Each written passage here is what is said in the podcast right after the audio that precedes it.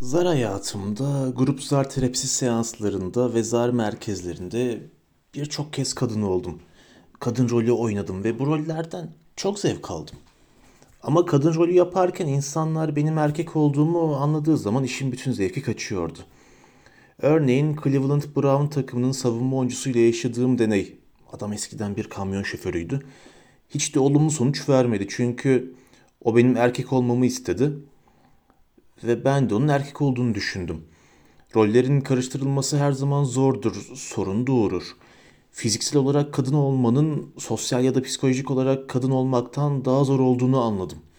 Cinsellik olarak benim için büyük bir hayal kırıklığı oldu bu. Ya kadın rolünde cinsel ilişki kurmak hiç hoşuma gitmedi.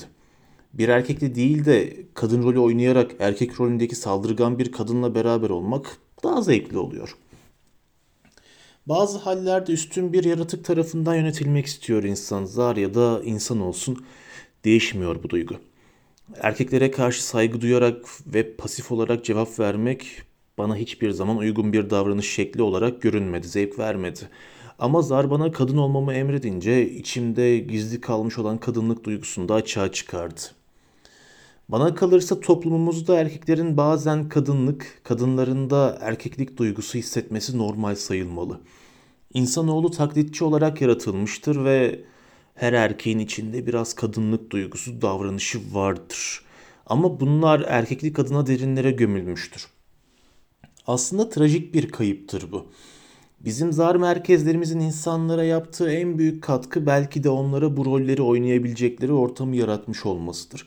Bu merkezler insanlara iki cinsiyetli olabilme cesareti verirler. Hatta daha dürüstçe konuşabilenler bu merkezlerde tam bir cinsellik duygusu yaşadıklarını söyleyebilirler. Ben pek çok kez kadın rolü oynadım ve sağlığı yerinde olan her Amerikan erkeğinin de bunu yapmasını tavsiye ederim.